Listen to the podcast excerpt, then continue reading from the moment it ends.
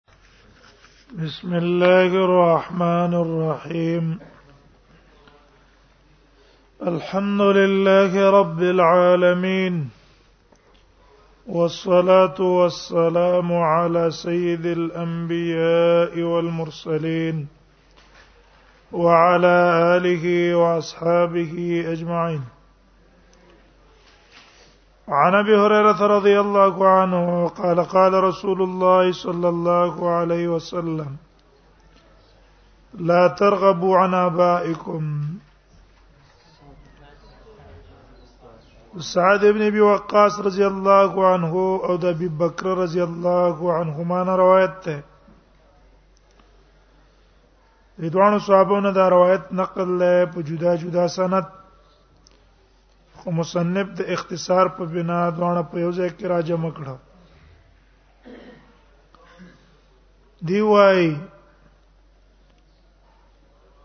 وی نبی صلی الله علیه وسلم فرمایلی دی لا من ادعا الى غیر ابيه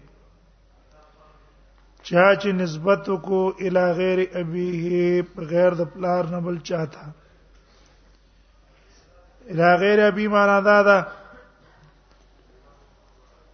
چې خپل پلار نه پریدي دا غې نه مخړای او بل چاته ځان منسوبه چې هلکه زه د پلانکی نسب نه ما او زه د پلانکی زوی ما وهو يعلم او ته پته چې پلان کې از ما پلار نه ده دا چاته یې نسبت کومه دا مې پلار نه ده او دا چانه چې مخ اړو مسل کې مې دا پلار ده جنت په د باندې حرام ده فالجنت عليك حرام بیا په دې نسبت باندې سړی کافر کیږي نه یعنی دا په دې عمل باندې کافر شو ځکه مسلمان خدای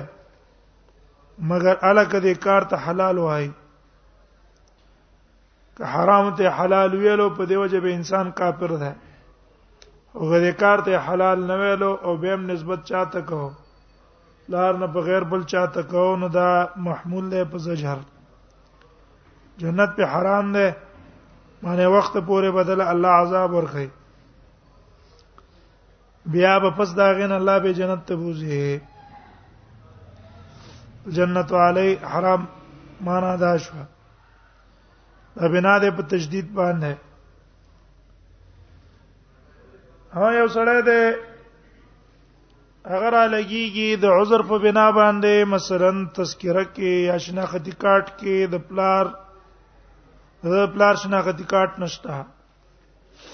یا د پلار تذکرہ نشته دی چې په هغه پسې ځان جوړ کړي او دا را لګیږي د عذر په بنا باندې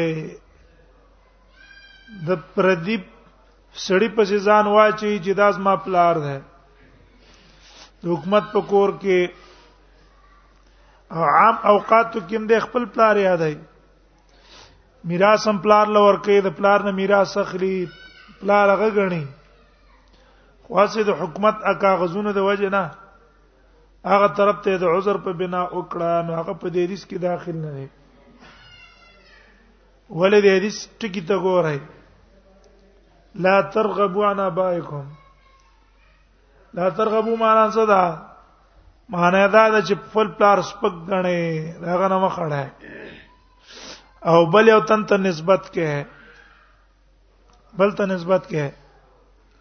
دا باندې کوي لکه مثلا ډېر کسان دلته راشي د افغانستان خو افغانستان سپک غني بس دلته په پیښور دلته یو علاقو پورې ځان دغه کی او هغه سپک غني باجو کسان خپل قوم سپک غني کنه چې هر پلان کې قوم ته څنګه ځان منسوب کما ځان ته ساپېد څنګه ویم ځان ته مومن څنګه ویم نو هغه علاقې سپکی غني دی وجنه خلق ته ځان ښکار کوي چې راز پلان کې قوم نیم دی پلان کې قوم ما او هغه ته سپک کاری انا روا ده او دا غینه مخناړه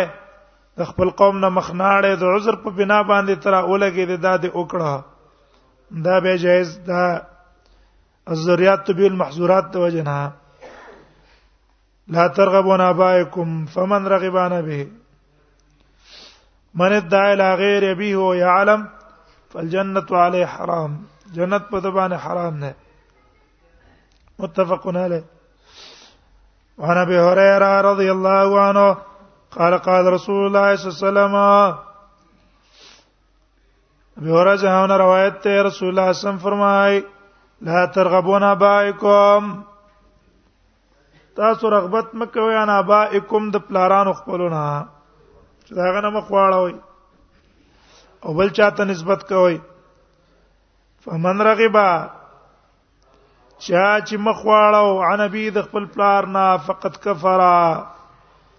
د کفر کو د د نعمت د ابوت دا کم کو پر ده کفرون دون کفرن دا نه چې ګینه دا په الله باندې کافر شو معنی دا دا چې د کفر کو دون کفرن کفر دون کفرن دته وای او موږ دا ویل زکه چې بیا خو فقط کفرت دلیل دا دی چې دا به همیشه جهنمی حال دار چې د سنت الجماعت عقیده دا ده چې مرتکب د ګناه کبیره همیشه جهنمی نه وي همیشه جهنمی نه فقط کفر معنا دا شو چې عمل وکړو عمل کو پرار د پلار د نعمت نه کو پرې وکړو متفقون علیه وقد ذكر حديث عائشه وقد ذكر حديث عائشه او ذکر کړه د مصنف حدیث د عائشه یا ذکر حدیث عائشه تا ما من احد اغیر من الله باب صلات الخسوب کې هغه ذکر شوی دی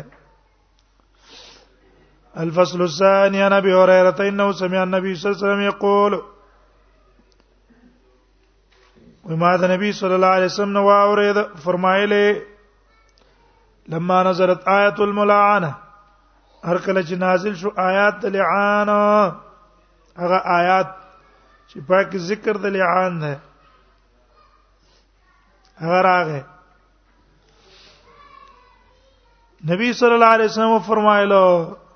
ایما امراتن کم یو خزی ادخلت علی قوم رانن استل په یو قوم کې من ليس منهم اغه سوچ دیونه نه فليست من الله في شيء نبي دا خزه د الله پر رحمت کې د اچینا ادخلت معنا دا ده مخکې تیر شو الولد للفراش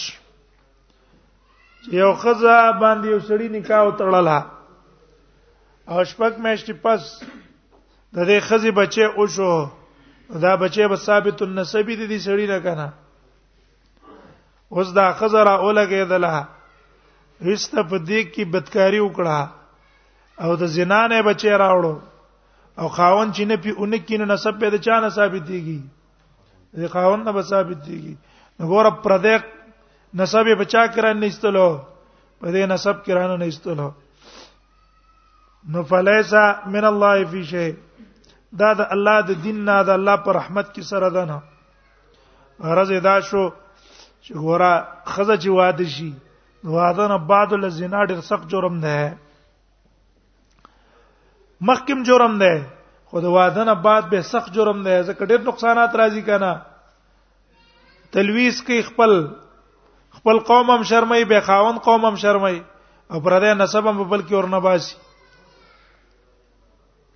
ولن يدخلها الله جنته هیڅ کله به داخله نه کی الله دلر دلر جنت خپلته همیشه به داخله نه معنا نه چې کله به داخله نه معنا همیشه به جهنم ته بوزي نه ایمان دا مانع ده د ابدی جهنم نه او دې حدیثونو مقصد دا ده چې د دې سزا دا ده که چرته مانع نه وي د سنا د ابدي جهنم نه وای ما رجل جحد ولدا او کوم یو سړی چې انکار وکړ ولدا د خپل بچینا انکار کو د چانه خپل بچینا او هو ينظر الیه او حال دار چې دا بچی د تګوري وکیا زمیر دی بچی ته راځي ده مله دا بچی دی پلار ته ګوري چې دا مې پلار دی ها او دا ظالم به امر لګيږي نه پیتی کوي د ځان نه دا زما زوی نه دی هغه ته په شفقت باندې ګوري او دا دونه ته متنفر دی یا هو ينظر الیه سړی دی سړی ته زمير راځي دی او هو ينظر الیه دا سړی خ ګوري دی زوی ته چې دا زما زوی دی دیسه څکې دا سړی او ته ګوري خپل بچی ته چې دا زما بچی دی او زه چې دا کم کار کوم دا ښه کار نه دی ولی د دې ماشوم زندگیم خرابوم ولی د پلار به بیان نه کنا چې ځان نه پیو کوم څه شو د پلار به نه خو ته پته ده ادا ظالم را لګيږي بس صرف د خزې سره بس خبره باندې ورانه ده او دا تهمت په لګی نو احتجب الله منه الله په پردو کې ددنه ورځ د قیامت وفضحه هو بشرمید لرا على رؤوس الخلائق په سر د تمام مخلوقاتو په میدان د محشر کې به تمام انسانان ولاړی او د ټولو په مخ کې به الله دا او شرمای الاولین والاخرین اورنو اخرنو ټولو کې کم مخکې تیر شوی دی او کوم رستو را روان دی وعن ابن عباس قال جاء رجل رواه ابو داود والنسائي والدارمي وعن ابن عباس قال جاء رجل عبد الله ابن عباس رضی الله عنه روایت ده و یو سړی راغی نبی صلی الله علیه وسلم ته فقال وی فرمایل ان لی امراه لا ترد يد لامس یقینا زما د پاره خزه ده لا ترد يد لامسن چې نو واپس کې لاس لامسن د ورډون کی سوچ دې لاس ورډي واپس کې نه یو معنی دا ده چې ځان نه منع کوي د هغه چانه چې دې سه اراده د بدکارۍ کوي معنا دا متوا د په بدکارۍ کې چې څوک تستو کی بس دا تیار د بدکارۍ ته فقهر النبي صلی الله علیه وسلم نبی صلی الله علیه وسلم ویلا طلقها طلاقك قال دوتویل انی احبها اذا الله نبی زما سره مینه ده سنا جزې طلاق کما او بیا د مینې د وجې نه چرته بیا اوس تعلق نه ساتم په حرامو بیا په تبعی کې پر اوزما قال نبی صلی الله علیه وسلم تو ویلا بیا د سیو کف امسکا اذن بس دا اوسه ته ځان سره امسکا اذن وی ساته په نکاح کې وبنده کا رواه ابو داود والنسائي وقال النسائي رفع احد الرواه یو راوی را پکړه د ابن عباس ته واحد لم يرفعه بل نه ده مرفوع کړه او هاذا الحديث ليس بالثابت او دا حدیث ثابت نه ده اول د حدیث کې مسله دا ده چې اې دا حدیث صحیح ده او که ضعیف ده بیا په ته مسله ته روباسو نو د علما اختلاف ته په صحت د حدیث او په ضعف کې ایا دا حدیث صحیح دی که ضعیف دی ډیر علما را لګیدلې دي حدیث ته صحیح ویل او ډیر علما ته ضعیف ویل هغه علماو کې چې دې حدیث ته صحیح ویل دی ابن حزم ظاهری دی په محلا کې هغه په محله کې وایي هاذا حدیث فی غایه الصحه دویم پاره کې امام نووي ده حافظ ابن حجر ته په تلخیص کې دا قول نقل کړه دریم پاره کې منذری ده او مختصر د سنن ابو داود کې د دې حدیث باره کې وی رجال رجال اسناده صحیح رجال اسناده محتج بهم بهم في الصحيحين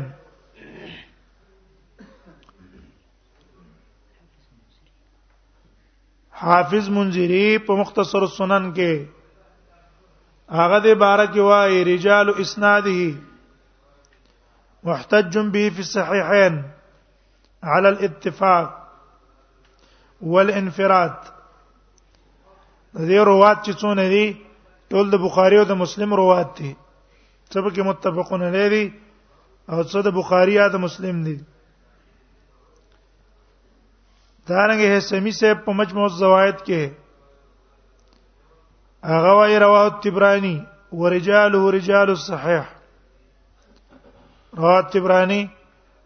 ورجاله رجال الصحيح حافظ ابن کثیر هغه وايي صحح احد اسانيده وقال اسناده جيد دا حدیث په مختلفو سندونو راوړی او د بای سندونو متعلق ویل چې اسناد او جيد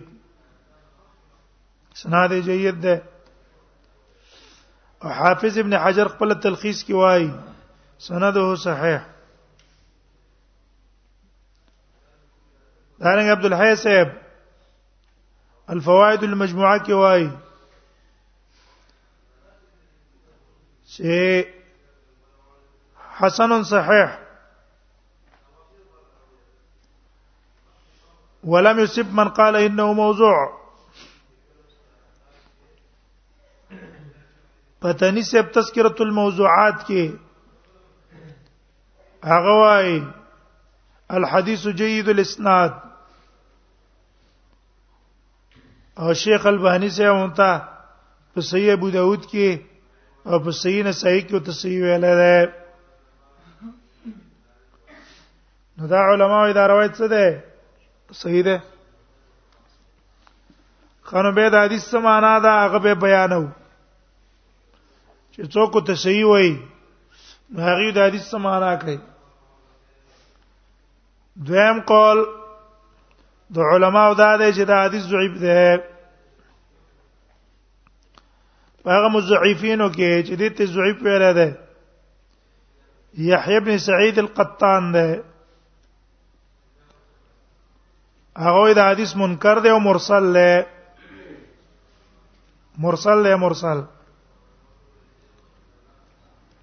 دارنګي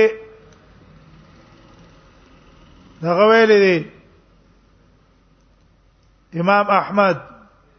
هاذا حدیث منکر ليس له وصل الموضوعات ابن جوزی ته الموضوعات ابن جوزی کې دا قول لاغه نقل کړه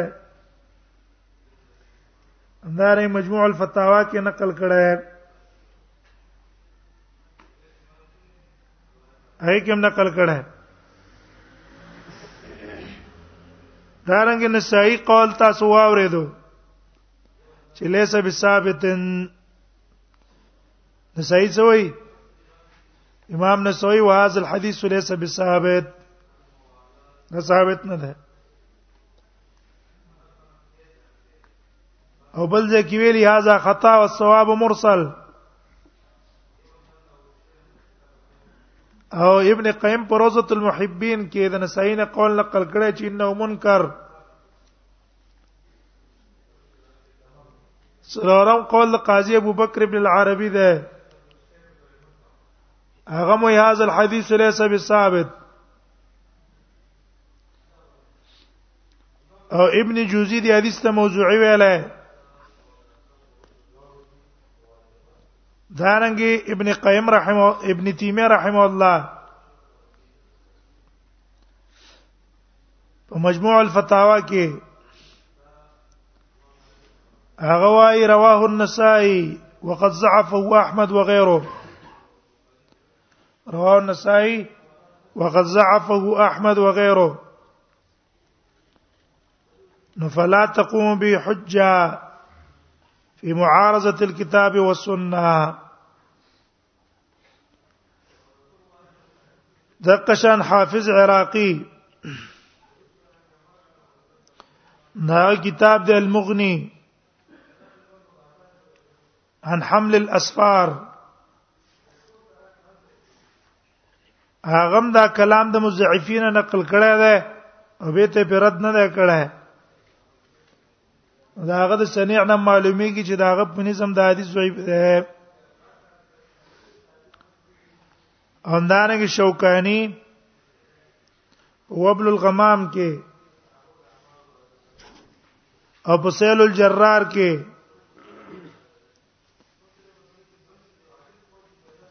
تعلیق د کلام کړه په ثبوت د حدیث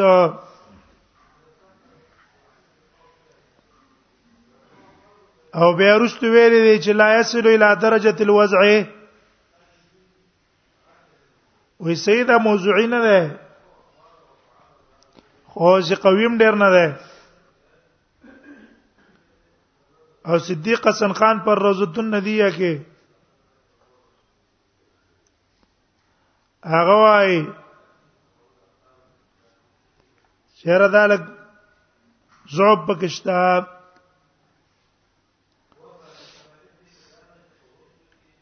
اوس دا دوه قول شو په دې کې اولنې قول چې کوم ده هغه راجح دی چې دا روایت څه ده من وجه صحیح ده ځکه چې چا مرسل نقل کړي ده نور خو مرفوع کړي ده خانه چې دی علما ته صحیح ویلې نو بیا ګوره ظاهر د حدیث ته خدا معلومیږي چې رسول الله صلی الله علیه وسلم دې سړی ته امر کړی دی پس په ساتلو د ځاني امسکا نبی صلی الله علیه وسلم څنګه حکم وکړو په ساتلو د ځاني دیو جن علماء را لګیدلی دې حدیث مختلفه معنا کړې ده یو معنا هغه دا ده چې لامس نه مراد بدکاری ده معنا هو الفجور ولا ترد يد لامس معنا دا ده سوچ دې سه اراده د بدکارۍ لري دا تنه من کیږي دا قول دی د ابو عبید دا قول دی د خلال او دا قول دی د نسائی او دا معنا ابن الاعرابی او خطابی او غزالی هم کړي او امام نووي هم کړي غیم دا کړي ولا ترد يد لامس معنا صدا چې څوک اراده د دې سره کوي د بدکارۍ د ځان منع کوي نه دیو جن نبی صلی الله علیه وسلم دې ته ویل چې طلاق یې کا خدای چې کله عذر پیش کو نو نبی صلی الله علیه وسلم ویری دو اسینا چې شرط ته د طلاق دون رستو دا اوس بیا رانه دوستانه او ساتیو په زنا کې پرې نوځي سګي پرې نوځي زنا کې پرې نوځي نو سیو ته ویل فامسکا اذن امسک معنا بیا دا ده دا به ساتي نظر به په ساته آزاد به نه پرې دی او په نکاح کې اوساته دیمه معنا علما دا کړي چې نه دغه معنا مراد نه ده ولی زګه کده لامس معنا د زنا مونږ واخلو نو نبی سم څنګه د تامر کوي په امساک داغه هغه لامس نه معنا ملتمس ته سائل سوالګر سوالګر معنا د حدیث دا ده چې لا ترد یت لامس وې نو واپس کئ دا ید لامسن لاست طلب کون کې دی لرا په صدقه سوچ دې نه څو غواړي دا ډیره سخی ده بس سوالګر واپس کینا پانه ډیره مبذره ده په انفاق کې او دا مطلب نه ده چې ینه دې نه څوک اراده کوي د بدکارۍ نو داتې من کیږي نه دا معنا امام احمد او اسماعي کړه دا همدارنګي ابن جوزی دا کړه او ولنې معنا باندې دی ورت کړه ده لیکن په دې معنا باندې اعتراض تا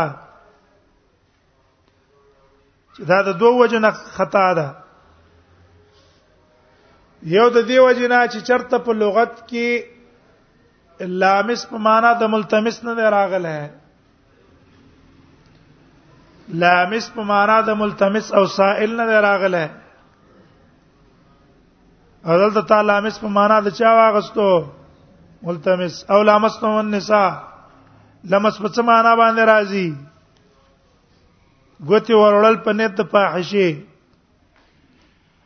چرته لامس په معنا د ملتمس راغلی نه ده په لغت کې دویم نقصان په دې معنا کې دا ده چې ګوره دې سړی نبی سلام ته شکایت وکړو د غنا ده چې دا ډیره هغه نه پس والا ده صدقه والا ده کرم او جود سخا والا ده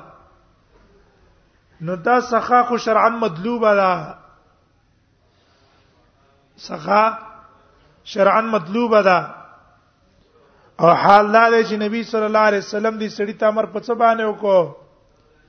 دته امر وکړو دا غي په طلاق ولو قال طلقه نو دې ته امر په طلاق پکارو او امر په امساک پکارو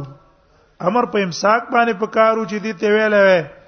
وردا خزه ځان سره اوساته او دا واپس نکې دا رد نکې دیو جن دې معنا باندې دا نقصان ده دا معنا کې دا نقصان شو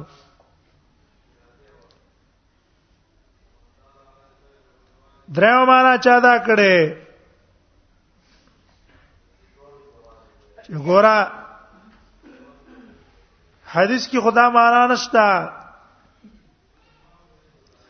یو لامسته یو ملتمسته دلته لامس چاته وای لامس معنا دا ده چې د عربو عادت دا و چې هغه به د یارانې دوستانی نیولې زنا به نه کوله بدکاری به نه کوله چې ټوک ټقاله به کوله باز خزي به د قصوي یارانې غب شپونه دوستانه به کوله لیکن بدکاری به نه کوله بس تقبیل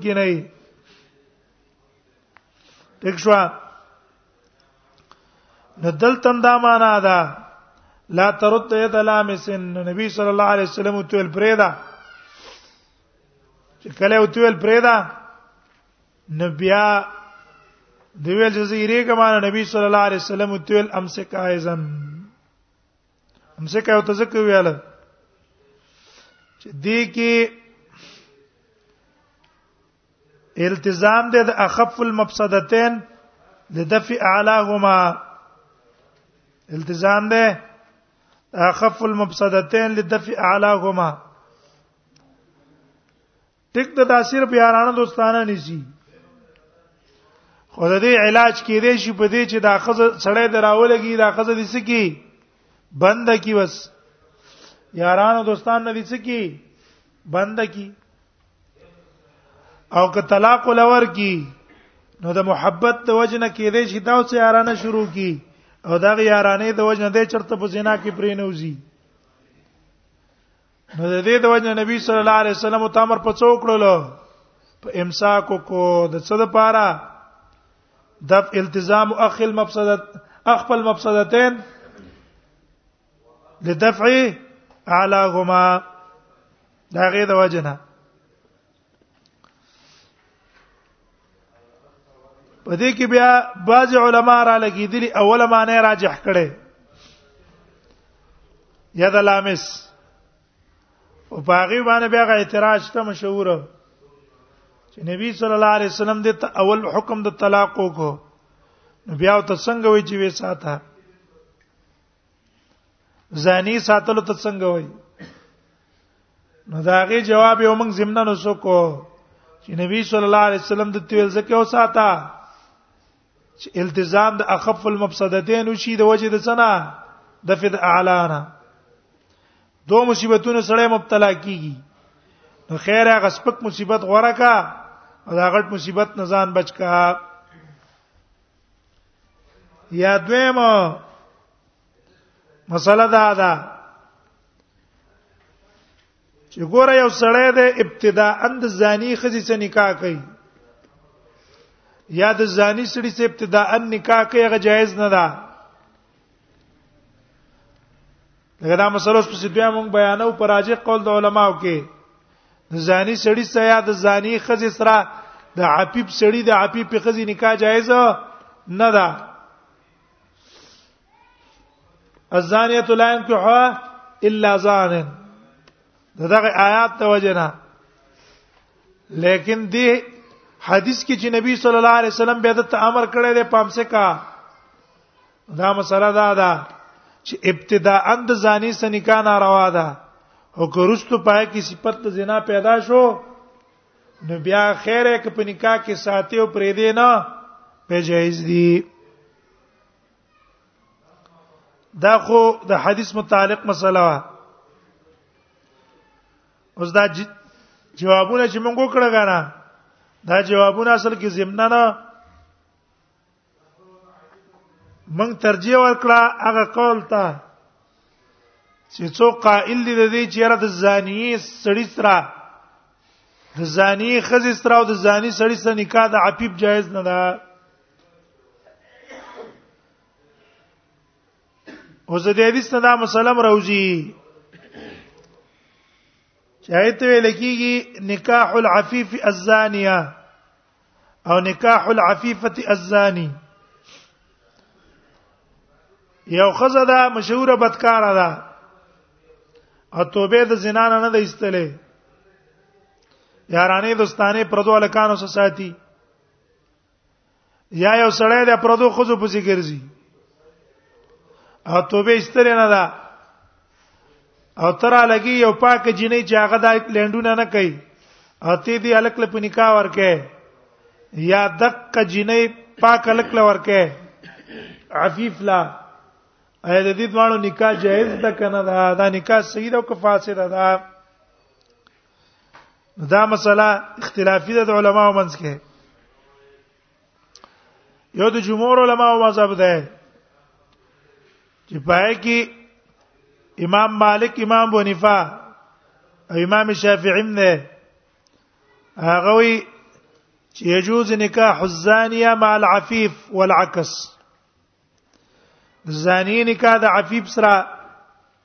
او عکس د عفیف نکاح د زانی سره جائز د هیڅ مانات پکې نشته اگر کتبه نه استری دیو دلیل په څه نه ولا دیو دلیل نه ولا په عموماتو دلیل نه ولا په عموماتو د قران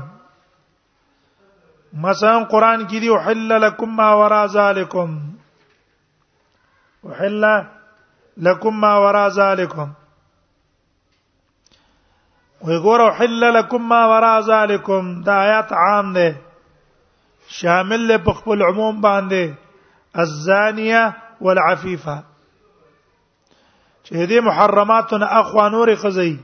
اگر که زانیه ولې نه هغه هم تاسو لپاره حلال ده او که غیر زانیه هم تاسو لپاره حلال ده او ها نکاح د زانیه سره مکروه تحریم مکروه ده تنزیهی امام مالک په نسبت باندې دویم استدلال دیونه ولا ده عموم د دې قول د الله تعالی وانکحوا الايام منکم وانکحوا الايام منکم خپل غلامانو لا د نکاح باندې خځه واخلئ ایامان مراد دلته چې دی من لا زوج له چې چا خزه نه ګوران کې حو الیام عام ده شامل له زانی او غیر زانی چې عفیف التوی دوانو ته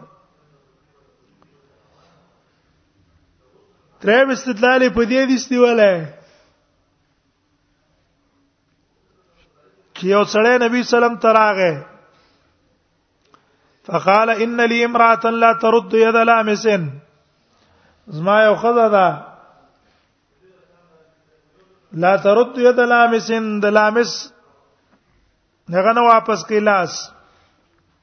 اترد يد لامسن نبی صلی الله علیه وسلم ته څه ویل امسکا بلکې فاستمتع فاستمتع بها او کوم آیات کې چې من راغله د سورته نور دا هغه آیات نه جواب کړه الزانیتو لا ينكحها الا زان او مشرک دغه آیات نه جواب کړه یو جواب ادا کړه چې د زنا نه مراد د نکاح نه مراد زنا د زنا وتی او هدایت مطلب دا دی ازانی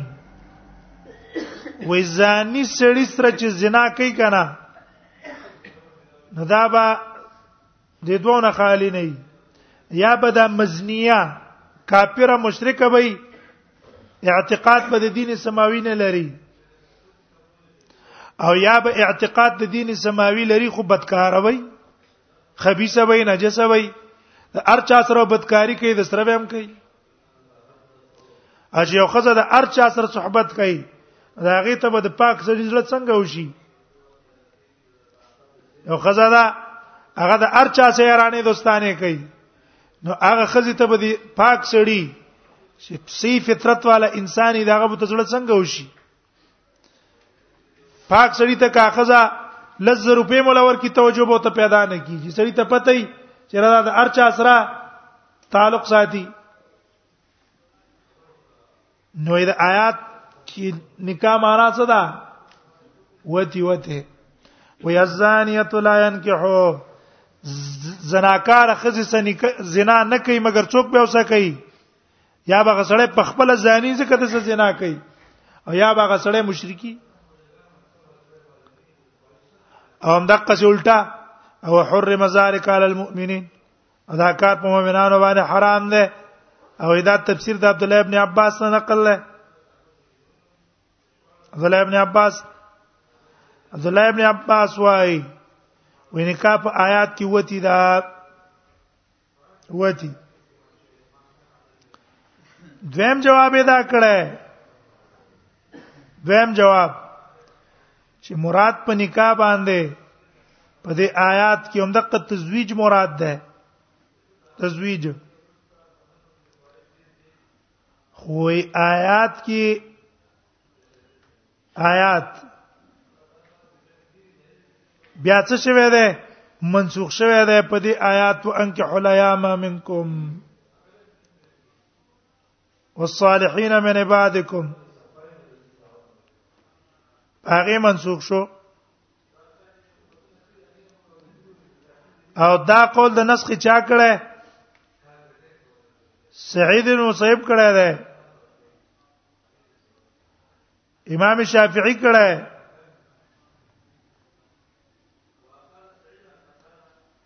او نور علماء کړه دویم قول د جمهور دویم قول د محققین علماء ده چې دا د امام احمد مذهب هم ده او د حسن بصری نام نقل لای قتاده نام نقل لای هغه وی لا يجوز تزويج الزاني العفيفه ولا عكسه عفيف سره را لګي کی د زاني سره نکاح کوي یا زانیه خزر د عپی پاک سړی سره نکاح کوي دا جایز نه ده یو خزر پاکه او تا ته پته راځره دا الک ده دا د پردو خزو په ذکرځي او توبه نه ایستلې او ترا لګي سره د پوی نه دیره دا پاک جنې ورکه نکاح جایز نه ده یا تا ته پته راځره دا جنې یارانه ساتي الته یارانه ده بل څه یارانه ده مثلا دی وخت دا اداکاران نه دي دي درچا چې یاران دي کنه دا اداکاران چې دا ډمې شوي یا د آزاد خزې شوي او ترا لګي دې څه نکاح کې او توبه استری نه دي بدکارونه دې څه نکاح جایز نه ده ترڅو پورې چې سینې کړي توبه استری نه توبه به باج چې توبه ویسته پس دا نه نکاح دل جایز ده او دیو استدلال نیواله په دغه آیت د سورته نور دیو الزانی لا ينكح الا زانیه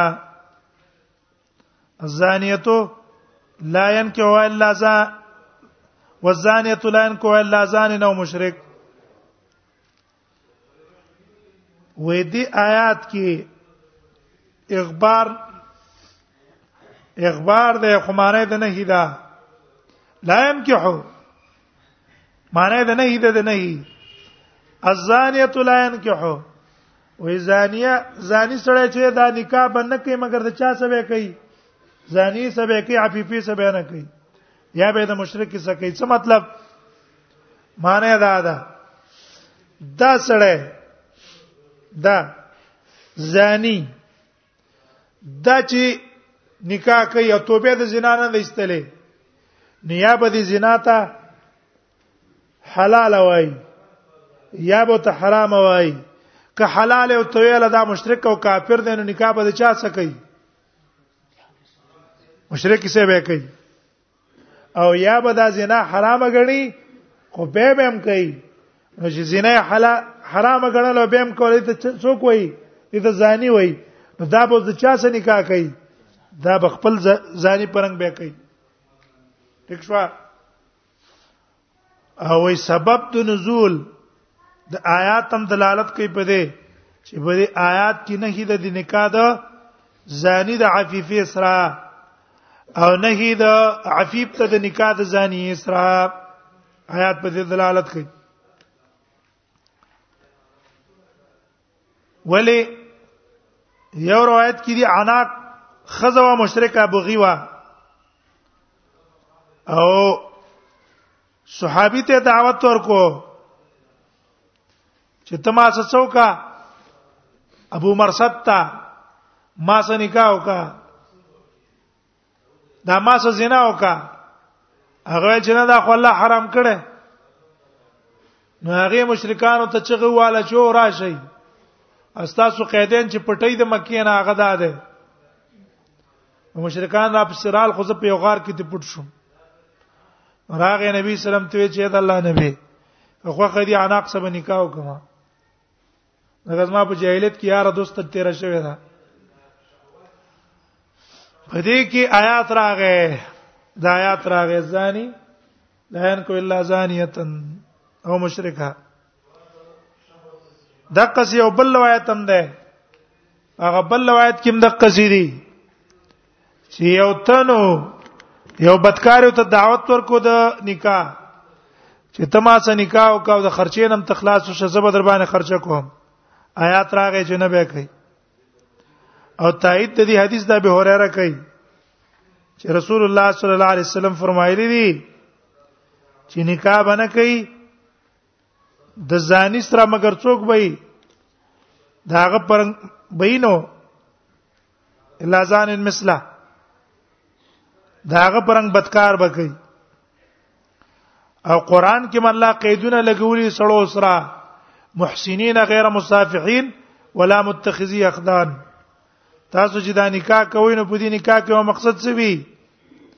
پاک دامنی وی پاک دامنی پاک دامنی همدارنګه د خزو بارک وی محسناتن غیر مصافحات بدکاری بنئ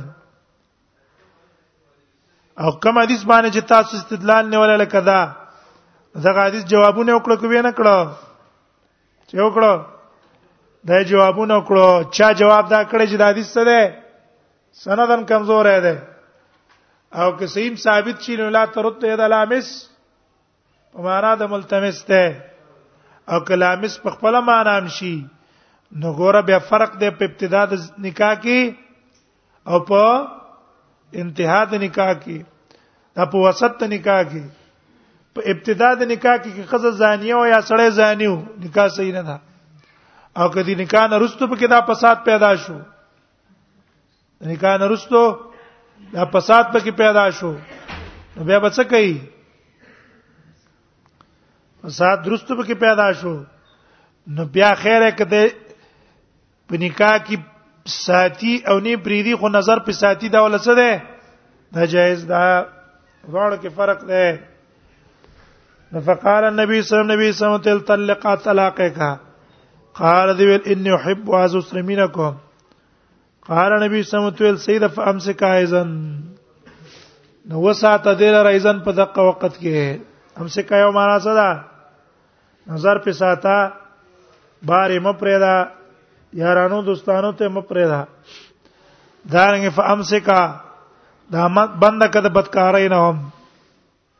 کارنه بند نه کا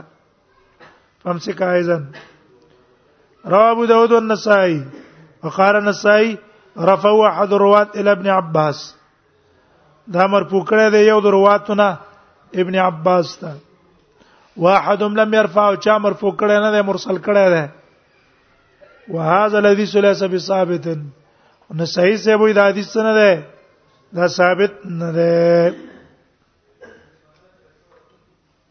بس به ګونو